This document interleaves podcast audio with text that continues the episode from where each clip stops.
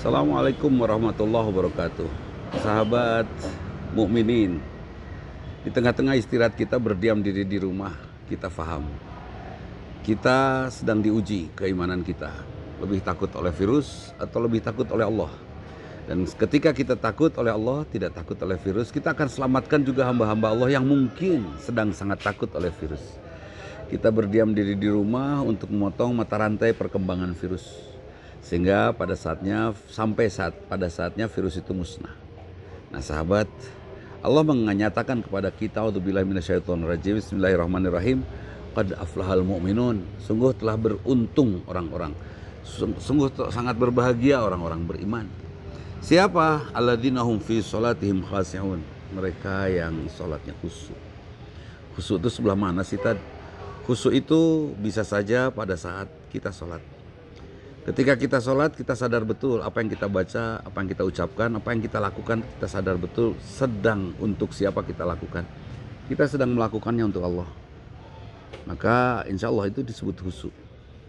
Ada orang yang tidak paham bahwa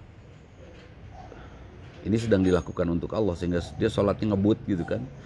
Merasa jauh dari Allah, merasa tidak berada di hadapan Allah. Itu khusyuk fi sholatihim. Kemudian kalau an sholatihim dari sholatnya di dalam sholat kita khusyuk sesudah sholat di dalam sholat kita minta ampun tentu di luar sholat kita hindarkan perbuatan salah. Di dalam sholat kita minta rizki tentu di luar sholat kita akan rajin mencari rizki seperti itu. Jangan sampai kita minta rizki tapi kita malas. Nah, kita harus lakukan sesuatu yang Allah ridho tentunya. Nah, kemudian uh, alas sholatihim sebelum sholat kita akan menghadap Allah. Karena kita akan menghadap Allah tentu kita akan melakukan yang terbaik sebelum itu memantaskan diri untuk bisa pantas uh, bertemu dengan Allah. Kemudian dua saja sementara ini. Alladzina hum anil lagwi mu'ridun. Mereka yang menjauhkan diri dari perbuatan-perbuatan tidak berguna. Sekarang keluar rumah itu tidak berguna.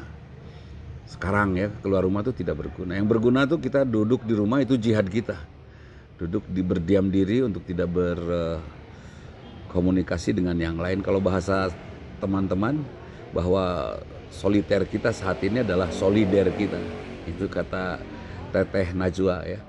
Ya, kita coba untuk berdiam diri sendiri saja di rumah. Itu solider kita kepada orang banyak dan keselamatan orang banyak.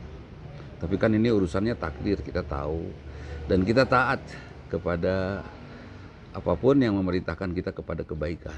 Ya, jangan sampai menyesal.